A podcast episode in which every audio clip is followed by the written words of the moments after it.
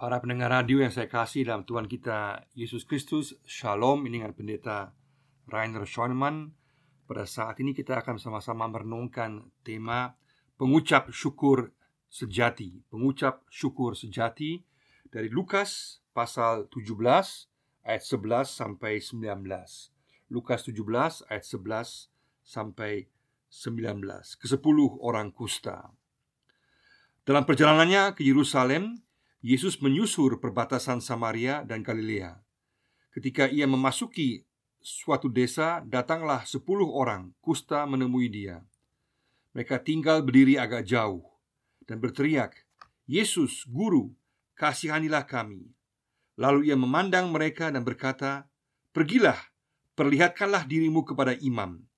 Dan sementara mereka di tengah jalan, mereka menjadi tahir. Seorang dari mereka ketika melihat bahwa ia telah sembuh Kembali sambil memuliakan Allah dengan suara nyaring Lalu tersungkur di depan kaki Yesus Dan mengucap syukur kepadanya Orang itu adalah seorang Samaria Lalu Yesus berkata Bukankah kesepuluh orang tadi semuanya telah menjadi tahir? Di manakah yang sembilan orang itu? Tidak adakah di antara mereka yang kembali untuk memuliakan Allah selain daripada orang asing ini? Lalu ia berkata kepada orang itu, "Berdirilah dan pergilah, imanmu telah menyelamatkan engkau." Pengucap syukur sejati. Tema besar dalam Injil Lukas khususnya pasal 15 dan pasal 19 adalah mengenai keselamatan. Mulai dari perumpamaan domba yang hilang, dirham yang hilang, anak yang hilang di pasal 15 sampai puncaknya di pasal 19 mengenai Sakeus ditekankan pasal 19 ayat 10 sebab anak manusia datang untuk menyelamatkan yang hilang. Tuhan Yesus datang dalam misi SAR, Search and Rescue, misi penyelamatan mereka yang berdosa, terpinggirkan, yang dikucilkan, yang dihina, yang dianggap tanpa pengharapan, tetapi yang bersedia menerimanya. Inilah berita indah kabar baik untuk setiap orang ada harapan untuk memperoleh keselamatan jika datang dan percaya kepada Yesus. Hal ini berlaku sampai masa kini. Separah apa pun keadaan kita, ada harapan dan kepastian keselamatan jika kita datang kepada Yesus. Inilah inti berita Injil. Peristiwa dalam Lukas 17 mengenai pengucap syukur yang sejati ini juga berkaitan dengan keselamatan. Sikap mengucap syukur adalah tanda kesungguhan seseorang dan berimannya seseorang kepada Yesus. Ketika Bapak Reformasi Martin Luther ditanya, apa yang paling penting dalam kehidupan gereja, dalam etika, dan dalam liturgika? Martin Luther menjawab, satu orang yang disembuhkan dan kembali kepada Yesus dan bersyukur serta menyembahnya. Sikap bersyukur memiliki keterkaitan yang sangat erat dengan iman percaya, ketaatan, dan penyembahan kepada Tuhan Yesus yaitu tujuan penyembahan yang benar karena Yesuslah sumber keselamatan. Dan semua ini berkaitan dengan keselamatan yang nampak dalam ayat 19. Imanmu telah menyelamatkan engkau. Iman yang percaya, iman yang bersyukur, iman yang menyembah. Tema kita pengucap syukur sejati. Sikap bersyukur adalah cerminan hati yang terdalam, memiliki dampak yang sangat besar terhadap pola berpikir, sikap dan tindakan dalam kehidupan sehari-hari dan dalam sikap terhadap sesama kita dan juga dalam pelayanan. Sangat penting bahwa kita mensyukuri segala sesuatu yang Tuhan telah berikan kepada kita. Kita boleh menikmati pemberian Tuhan dalam kehidupan sehari-hari kita. Tetapi yang paling utama adalah mensyukuri keselamatan sebagai sesuatu yang jauh lebih besar nilainya dan yang bersifat kekal. Ada tujuh kebenaran teologis atau kebenaran rohani di sini. Ada tujuh prinsip yang perlu kita perhatikan dari teks di sini. Yang pertama adalah berharap kepada kesembuhan, keselamatan hanya dari Yesus. Berharap kepada kesembuhan, keselamatan hanya dari Yesus. Ayat 11 sampai ayat 13. Dalam peristiwa ini digambarkan Yesus melintasi daerah perbatasan Galilea dan Samaria. Orang-orang Samaria dianggap najis dan dimusuhi oleh orang-orang Yahudi. Tetapi anugerah belas kasihan Yesus juga berlaku bagi mereka. Juga orang Samaria yang baik hati di Lukas pasal 10 dijadikan teladan oleh Yesus. Dan berarti bahwa anugerah Allah juga berlaku bagi mereka Dikatakan bahwa ada 10 orang yang sakit kusta Yang mendatangi Yesus tetapi menjaga jarak Mereka tahu diri dan menjaga jarak Karena penyakit kusta adalah penyakit yang mengerikan dan menular Karena bagian-bagian tubuh kehilangan rasa Dan secara perlahan lepas satu persatu Sangat mengerikan. Sungguh penyakit yang parah Apalagi terkucil dari keluarga dan masyarakat. Bagi orang Samaria Bahkan dia dipinggirkan ganda, double. Sebagai orang Samaria Plus sebagai orang yang sakit kusta. Sungguh suatu penderitaan yang besar. Mereka sadar Mereka orang yang najis Mereka orang yang kotor Mereka tidak mempunyai harga diri lagi. Berada di titik nadir yang terendah dalam kehidupan. Sehingga mereka dalam keputusasaan Mereka mendatangi Yesus sebagai sumber kesembuhan dan keselamatan. Mereka rupanya telah mendengar tentang pengajaran dan kuasa Yesus. Sehingga mereka mengakui keilahian Yesus dengan berseru, "Guru, kasihanilah kami." Rupanya dengan suara serak-serak sekuat tenaga Karena orang sakit kusta biasanya suaranya telah menjadi lemah Mereka berusaha berteriak dengan sekuat tenaga Kasihanilah kami Bukan hanya karena soal penyakit mereka Tapi juga keberadaan mereka secara keseluruhan Dan inilah pengakuan iman percaya yang terdalam Yesus sebagai sumber kesembuhan dan sumber keselamatan. Dalam liturgi gereja ada ungkapan eleo, artinya kasihani kami, yang masuk dalam bagian pengakuan dosa. Karena kasihani kami termasuk keberdosaan kami. Jadi bukan hanya soal kesembuhan, tapi soal keselamatan keberadaan kita yang membutuhkan keselamatan dari Yesus. Hanya orang yang tahu diri yang mengakui dirinya kotor, dirinya najis, dan sungguh berada di titik nadir kehidupan dan putus asa dan berserah serta hanya berharap kepada Yesus saja untuk keselamatan dan kesembuhan akan memperoleh keselamatan. Hanya Dia yang mengatakan, "Tuhan Yesus, kasihani aku." Sebagai orang berdosa, orang yang memerlukan keselamatan daripadamu, pemulihan daripadamu, kesembuhan daripadamu, pengharapan daripadamu, hanya Dialah yang akan memperoleh pembaharuan dan keselamatan. Hanya orang yang sungguh mengalami ini akan menjadi pengucap syukur yang benar, yang sejati, yang selalu kagum, heran, bersyukur, memuji anugerah keselamatan Yesus yang begitu dahsyat, yang berbelas kasihan, mengampuni dosa, dan memberikan kepastian pengharapan kehidupan kekal. Jika kita ada pada titik nadir, bersyukurlah karena itulah titik balik untuk datang kepada Tuhan Yesus. Maukah kita mengambil keputusan berharap kesembuhan dan keselamatan hanya dari Tuhan Yesus? Saat kita berserah, Tuhan Yesus akan bertindak. Yang kedua, kepedulian dan pelayanan Yesus kepada yang terpinggirkan.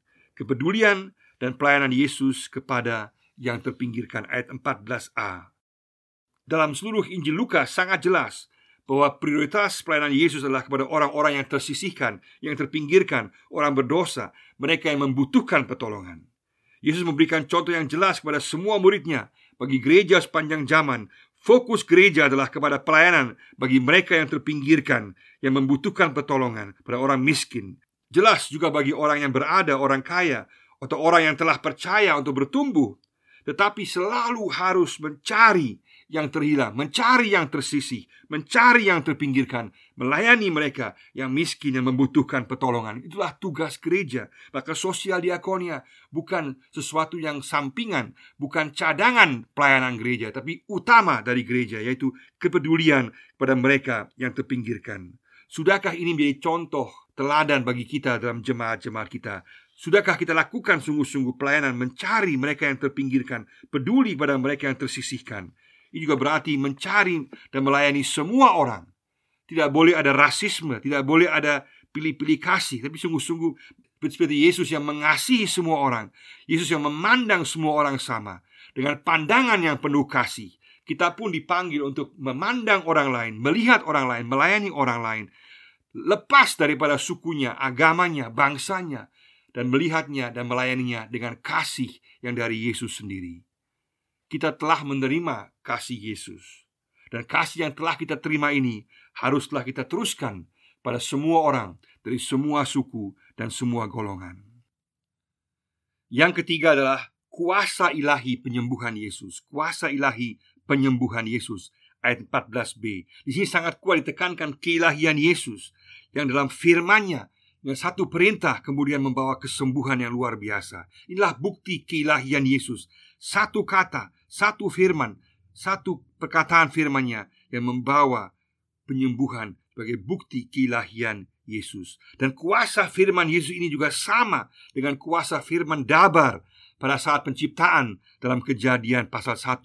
Pada mulanya adalah firman yang juga dikatakan dalam logos Dabar dalam Yohanes 1 ayat 1. Pada mulanya adalah firman dan firman itu bersama-sama dengan Allah dan firman itu adalah Allah.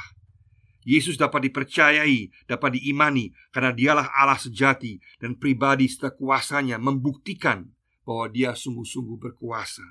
Firmannya berkuasa, membawa kesembuhan, membawa penciptaan baru, membawa kepada pemulihan. Dengan demikian kita boleh mempercayainya luar biasa. Jadi iman yang benar adalah percaya hanya kepada Yesus. Tidak ada yang seperti Yesus Yesus tidak tertandingi. Pribadinya dan firmannya itulah yang utama. Karena dialah Allah sendiri. Karena dialah pencipta dunia. Dan dia yang mengatur dunia ini. Sekaligus dia berkuasa atas segala jenis penyakit. Segala jenis situasi kehidupan manusia atas alam semesta. Atas dosa atas iblis atas maut. Apakah kita sungguh-sungguh percaya kepada Yesus? Apakah kita sungguh-sungguh telah berserah kepada dia? Ataukah kita masih percaya kuasa-kuasa lain Buatlah keputusan. Aku hanya mau berserah dan percaya kepada Yesus. Mengandalkan kuasa penyembuhannya Kuasa keselamatannya. Bahwa kita tahu bahwa dalam dia ada segala sesuatu Ada damai sejahtera Ada pemulihan Ada pembaharuan. Apa pun keadaan kita pada Yesus Kita pada alamat yang benar. Yang keempat Iman percaya dalam ketaatan kepada Yesus meskipun tidak mengerti. Iman percaya dalam ketaatan kepada Yesus meskipun tidak mengerti. Ayat 14c. Di sini digambarkan bahwa hal iman bukan sekedar hanya hal yang teori, bukan, tapi sungguh-sungguh praktis. Harus ada langkah iman yang nyata, ada ketaatan yang nyata, baru kita bisa mengalaminya. Di sini Yesus memerintahkan kepada sepuluh orang yang sakit kusta itu untuk pergi dan menunjukkan diri mereka di hadapan para imam. Yesus meminta sebuah langkah iman dari mereka. Kesepuluh orang kusta ini tidak mengerti, tetapi mereka sungguh-sungguh beriman dan mereka kemudian bahkan demikian beriman sehingga mereka nekat memasuki daerah yang sebenarnya terlarang bagi mereka. Tapi mereka sungguh-sungguh beriman dan fokus hanya kepada perkataan Yesus. Mereka tahu Yesus ilahi, Yesus mampu menyembuhkan dan mereka percaya itulah iman percaya yang sejati. Yesus tidak menyentuh mereka, tetapi hanya dengan perkataan saja kemudian mereka pergi dan menunjukkan diri mereka kepada para imam. Itulah yang utama mempercayai perkataan Yesus dalam segala hal dalam kehidupan kita. Percaya akan perkataan Yesus untuk pembaharuan kita, untuk keselamatan kita, apa pun situasi kita. Meskipun kita mungkin mengalami penderitaan yang luar biasa, situasi yang sulit, percaya bahwa janji Tuhan, keselamatannya, kebaikannya akan kekal selama-lamanya mengikuti, kita apa pun keadaan kita. Meskipun rasio kita, otak kita berbicara tidak masuk akal, tetapi percaya kepada perkataan Yesus yang ilahi. Tidak percaya kepada kata orang atau suara hati atau meragukan Yesus, tapi sungguh-sungguh percaya kepada suara perkataan Yesus. Aku mengasihimu, aku menyertaimu, aku menyelamatkanmu. Dan ini berlaku untuk semua aspek kehidupan kita. Semua perintah Yesus baik dan berguna dan membawa berkat untuk kehidupan sehari-hari dan juga khususnya membawa juga untuk kehidupan kekal. Dan perintah Yesus di sini untuk pergi kepada para imam adalah ujian iman dan ketaatan. Dan mereka sepuluh-sepuluhnya mereka lulus, mereka pergi dan mereka menunjukkan diri mereka kepada para imam. Dan dalam perjalanan ke sana terjadilah mujizat yang luar biasa. Penyakit kusta yang adalah tanda kematian disembuhkan menjadi kehidupan dari kematian sel-sel yang mati menjadi sel-sel yang hidup kembali. Di tengah jalan semua jaringan tubuh mereka tumbuh sehat kembali luar biasa sebuah mujizat yang maha dahsyat mereka dinyatakan sembuh total oleh para imam di bait Allah yang menyaksikan kesembuhan pemulihan mereka Maukah kita sungguh-sungguh beriman percaya dan taat kepada perintah Yesus meskipun kita tidak mengerti, meskipun kelihatannya tidak masuk akal. Percaya pada perkataan Yesus, pada firman Tuhan Yesus. Selama kita tidak melakukan apa yang Yesus katakan, kita tidak pernah akan mengalami pembaharuan, pemulihan, keselamatan, penyembuhan. Kita harus taat dan sungguh-sungguh melakukan apa yang Yesus katakan, maka Dia akan bertindak. Maukah kita katakan Tuhan Yesus, aku mau percaya, aku mau taat dalam situasi kehidupan saya saat ini untuk selamanya. Apa pun yang terjadi, apa pun rencanamu, apa pun kehendakmu, aku percaya bahwa apa yang kau katakan baik bagi saya, apa yang kau lakukan bagi saya baik bagi saya, dan engkau memiliki rencana yang indah, yang sempurna bagi saya. Yang kelima, pengucap syukur yang sejati menyembah Sang Pemberi dan bukan hanya menerima pemberiannya. Pengucap syukur sejati menyembah Sang Pemberi dan bukan hanya menerima pemberiannya saja. Ayat 15 sampai ayat 18. Digambarkan kemudian bahwa dari 10 orang kusta itu yang telah disembuhkan, hanya satu yang kembali dan kemudian datang bersyukur, tersungkur dan menyembah Yesus. Hanya satu yang sungguh-sungguh sadar dan kembali pada sumber penyembuhan, sumber keselamatan, yaitu Tuhan Yesus dalam sikap syukur. Malahan orang Samaria di sini dikatakan bahwa dialah yang mengerti kebenaran atau prinsip rohani, pentingnya bersyukur dan kemudian menjadi teladan untuk orang percaya sepanjang zaman. Orang Samaria itu sadar bahwa Yesuslah sumber kesembuhannya, bukan bait Allah, bukan para imamlah penyembuhnya. Juga di masa kini bukan gereja penyembuh kita, bukan para hamba Tuhan penyembuh kita, tetapi Yesus dan hanya Yesus. Sumbernya jelas, hanya Yesus. Bersyukur kepada pemberi kesembuhan dan keselamatan, bukan hanya mau pemberiannya saja, hanya mau menerima pemberiannya saja, tapi sungguh-sungguh bersyukur dan menyembah si pemberi, yaitu Tuhan Yesus. Hal ini menjadi sangat jelas di mana Yesus memberikan tiga pertanyaan. Bukankah sepuluh? Di manakah yang sembilan? Tidak adakah yang kembali untuk memuliakan Allah? Tuhan Yesus dengan sangat-sangat jelas dan tegas menekankan pentingnya mengucap syukur dan memuliakan Allah atas pemberiannya. Penekanan di sini bukan bahwa sembilan orang lainnya tidak punya iman atau kurang iman, bukan. Tetapi penekanannya adalah bahwa iman mereka tidaklah lengkap, tidak komplit, tidak utuh, tanpa mengucap syukur dan tanpa menyembah. Iman yang komplit, yang utuh, lengkap hanyalah kalau kita menyembah Tuhan, mengucap syukur kepadanya. Adalah penting untuk mengungkapkan syukur kita, penyembahan kita secara nyata kepada Allah. Sejauh mana kita sungguh bersyukur atas pemberian-pemberian Tuhan dalam kehidupan kita? Ataukah kita lebih cenderung menerima pemberiannya, berkatnya, tapi lupa bersyukur atau acuh tak acuh kepada Tuhan dan kurang bersyukur? Malah kita mau supaya Tuhan Yesus ikut kita dan bukan supaya kita ikut Yesus. Kita mau berkatnya, tetapi mau mengatur kehidupan kita sendiri. Sekali lagi, semua iman percaya kita tidak lengkap tanpa syukur dan memuliakan Yesus. Maukah kita sungguh-sungguh minta ampun pada Tuhan Yesus dan belajar untuk bersyukur? Yang keenam, pengucap syukur sejati diberikan keselamatan. Pengucap syukur sejati diberikan keselamatan ayat 19. Iman, syukur dan penyembahan adalah sebuah kesatuan. Di sini Yesus kemudian memberikan lebih daripada apa yang diminta bukan hanya sekedar kesembuhan tapi keselamatan. Kata sesoken di sini berkata berkaitan dengan keselamatan, bukan hanya sekedar kesembuhan, membersihkan, mentahirkan, tetapi menyelamatkan. Keselamatan itulah kebutuhan yang paling utama di atas segala kebutuhan yang lain dan yang berlaku kekal. Yesus menekankan keilahiannya dengan menjamin keselamatan. Karena dia adalah Allah, dia dapat menjamin keselamatan kehidupan kekal. Hanya dia yang mendengar perkataan Yesus, menyembah Yesus, dan mengikuti Yesus diberikan kesembuhan dan keselamatan. Kuasa lain bisa menyembuhkan, tetapi tidak bisa menyelamatkan. Jangan percaya kuasa-kuasa lain, meskipun kelihatannya hebat, berkuasa, tetapi menyesatkan, menipu, dan tidak bisa memberikan keselamatan. Hanya Yesus yang bisa memberikan keselamatan. Puji Tuhan, buatlah keputusan untuk tidak mau mengikuti kuasa yang lain. Mari sama-sama kita sungguh-sungguh bersyukur atas anugerah keselamatan yang Tuhan berikan. Orang lain cari keselamatan setengah mati, tapi Tuhan telah memberikan keselamatan kepada kita. Mari sama-sama kita mensyukuri keselamatan anugerah yang telah Dia berikan kepada kita. Yang terakhir yang ketujuh secara singkat Pengucap syukur yang benar Memberitakan keselamatan Dan melayani orang lain Inilah tugas kita Yaitu kita mengucap syukur Dan kemudian kita memberitakan keselamatan Dan juga melayani orang lain Hanya orang yang sadar keberdosaan dirinya sendiri Dan ketidakmampuan dirinya Yang mengandalkan Tuhan Yang bukan mengandalkan ilmu Bukan mengandalkan gelar Tapi sungguh-sungguh percaya dan berserah kepada Tuhan Yesus dalam sikap syukur dapat memberitakan kabar baik keselamatan dan melayani dengan penuh kasih.